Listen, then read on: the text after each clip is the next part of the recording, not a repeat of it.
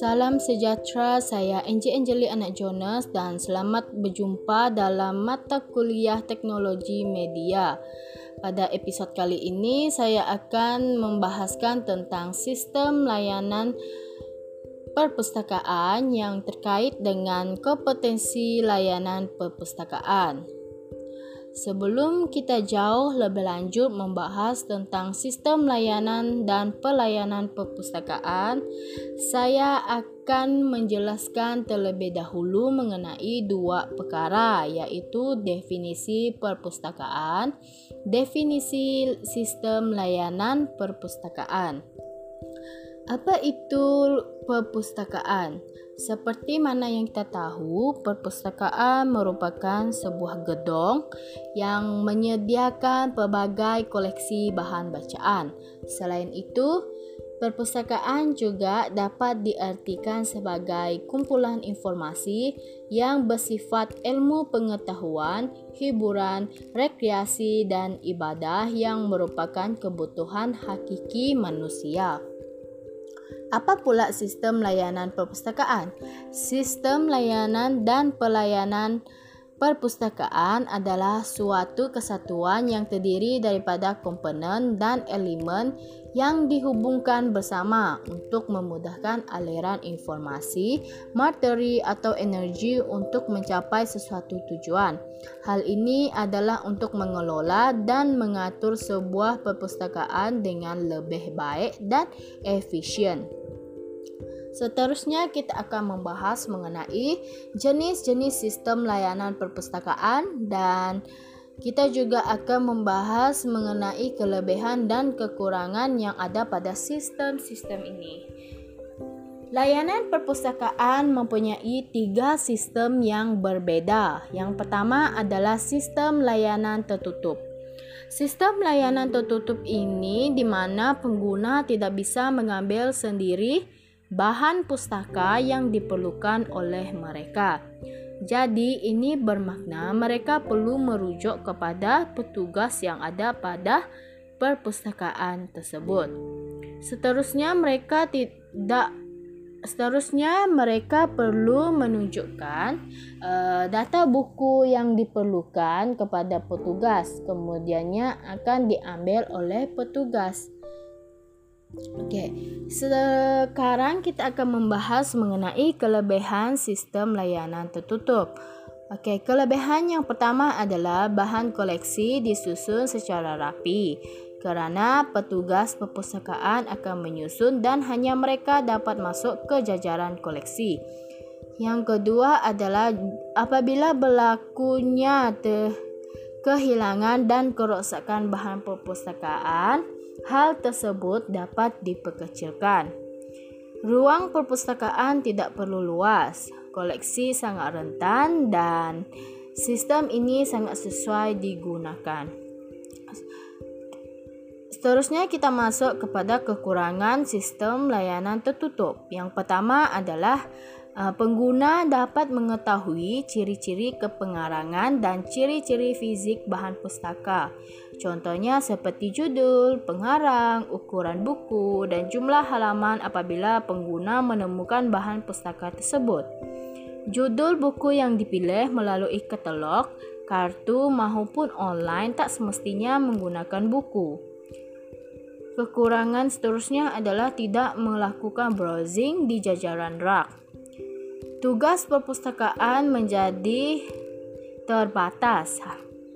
Hal ini terjadi apabila berlakunya jumlah pinjaman buku yang terlalu banyak dan membutuhkan waktu dan tenaga yang banyak sehingga pengguna terpaksa menunggu dengan lebih lama. Seterusnya kita membahas tentang sistem layanan terbuka. Oke, sistem layanan terbuka ini di mana Uh, sistem ini akan membantu pengguna perpustakaan mencari informasi yang mereka inginkan hanya dengan pergi secara langsung pada rak buku. Oke, sistem layanan terbuka ini juga memberi kebebasan kepada pengguna perpustakaan untuk memilih dan mengambil sendiri bahan bacaan yang dikehendaki dari ruang lokasi. Oke. Apa pula kelebihan sistem layanan terbuka? Oke, kelebihan yang pertama, pengguna boleh mengambil sendiri bahan pustaka yang dikehendaki kepercayaan tinggi dan diberi tanggung jawab untuk mengurus perpustakaan. Pe pengguna berasa lebih puas terhadap layanan yang diberikan.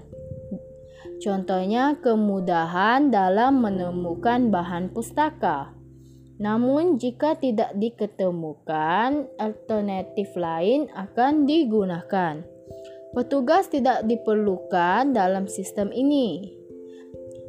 Jadi, segala pengambilan koleksi tidak akan dilakukan oleh tenaga perpustakaan sehingga bisa diberi tanggung jawab pada bahagian lain. Oke, kekurangan sistem layanan terbuka adalah pengaturan buku tidak teratur. Hal ini terjadi apabila mereka melakukan browsing.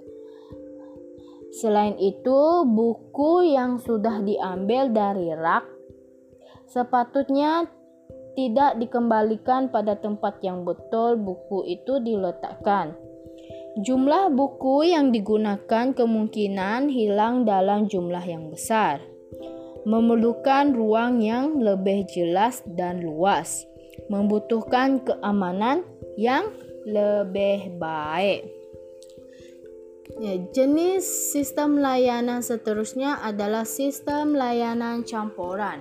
Sistem layanan campuran ini merupakan penerapan daripada dua sistem layanan, yaitu sistem layanan tertutup dan sistem layanan terbuka.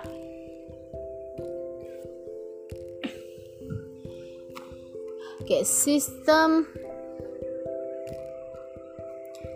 ini digunakan di perpustakaan pengajian tinggi.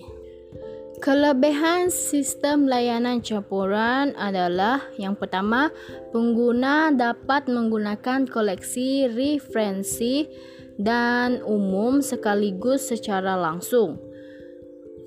Dalam sistem ini, uh, ia tidak memerlukan ruang baca khusus bagi koleksi referensi. Kekurangan uh, sistem layanan campuran pula adalah petugas perpustakaan sulit mengontrol pengguna yang menggunakan koleksi referensi dan koleksi umum sekaligus. Jadi, uh, ia perlu pengawasan yang lebih ketat. Secara keseluruhannya, setiap perpustakaan itu masing-masing ada akses yang bisa digunakan dengan adanya tiga sistem layanan perpustakaan ini, yaitu sistem layanan terbuka, sistem layanan tertutup, dan sistem layanan campuran. Sampai di sini sahaja untuk topik kali ini. Terima kasih telah mendengarkan topik yang membahaskan tentang sistem layanan perpustakaan. Sampai berjumpa kembali pada episode yang seterusnya.